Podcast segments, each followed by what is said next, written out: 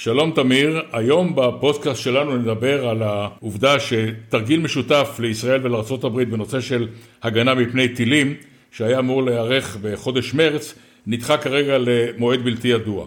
דובר צה"ל הגדיר את זה כמגוון של סיבות שגרמו לדחייה. מסתבר שהסיבה העיקרית היא שכל היחידות האמריקאיות שמפעילות טילי פטריוט, טילי תד ומערכות אחרות שאמורות להגן על אזורים מפני טילים עסוקות כרגע ברוחות המלחמה על גבול אה, רוסיה-אוקראינה.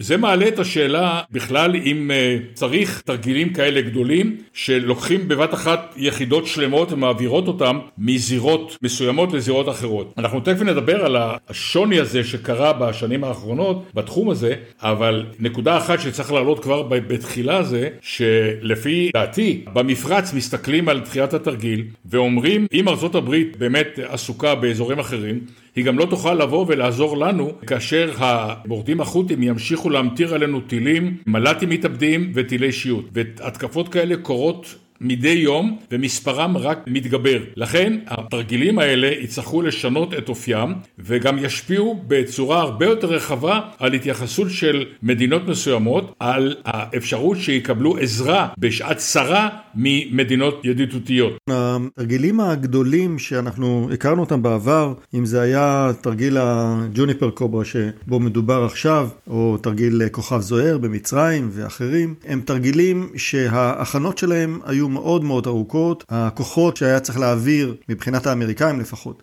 היו צריכים להעביר כוחות בסדר גודל גדול מאוד, אם זה הטסה של יחידות של חיל האוויר האמריקאי שהטיסו מפציצים ומטוסי קרב, אה, פרסו אותם במצרים ובמקרה של אה, כוכב זוהר, או במקרה שלנו הביאו לכאן, לישראל, טילי תד ופטריוטים וספינות אה, עם טילים נגד טילים שעגנו בים התיכון. קיצור, פרויקט רציני שדרש הרבה מאוד היערכות, עבודה של שנים, והמשמעות שלו, בשלב הראשון לפחות, מבחינת ג'וניפר קוברה, המשמעות הייתה בדיקה, דיבוג וליטוש של המערכת שהייתה אמורה לתפעל את מערך ההגנה האווירית וההגנה מפני טילים בישראל ובמרחב, ללטש את המערך הזה כדי שה... יעבוד ויתקתק כמו שצריך. זה היה בתרגילים הראשונים וחשוב מאוד שנעשה. אה, היום המערכת הזאת היא די מדובגת ועובדת טוב מאוד, ואנחנו מדי שנתיים מחדשים את הקשר ומתרגלים אותו שוב ושוב. זה דבר חשוב, אבל אה, בסך הכל באזור שלנו עכשיו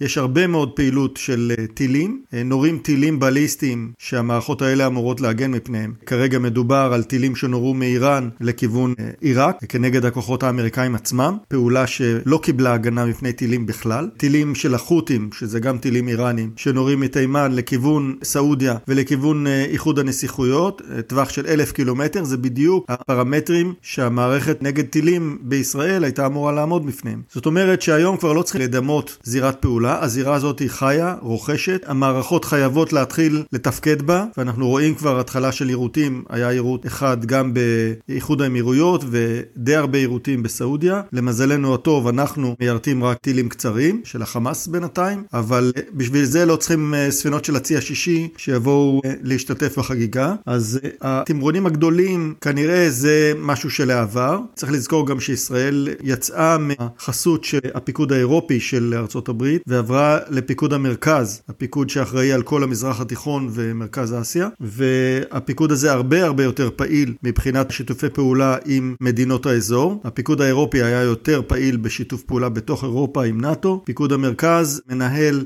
שיתוף פעולה צמוד של מדינות האזור, ועכשיו כשאנחנו בתוכו, אנחנו משתתפים בתמרונים גם עם הכוחות האמריקאים וגם עם מדינות האזור, דבר שמאוד עוזר להידוק הקשרים. אנחנו באחד הפודקאסטים הקודמים דיברנו על התמרון הימי שמתנהל עכשיו עד אה, שבוע הבא, וג'וניפר קוברה כנראה בדרכו לדעוך, לפחות אם אנחנו מסתכלים על הרקורד שלו, בארבע שנים האחרונות. כן, אני חושב שאתה תמצתת את הנושא, צריך להיות שינוי במתווה הזה של התמרונים המשותפים, התרגילים המשותפים, ואנחנו כמובן נעקוב אחרי הנושא כי זה נושא שמושפע מאירועים שקורים ממש בימים אלה. תודה תמיר ואנחנו נתראה בפודקאסט הבא.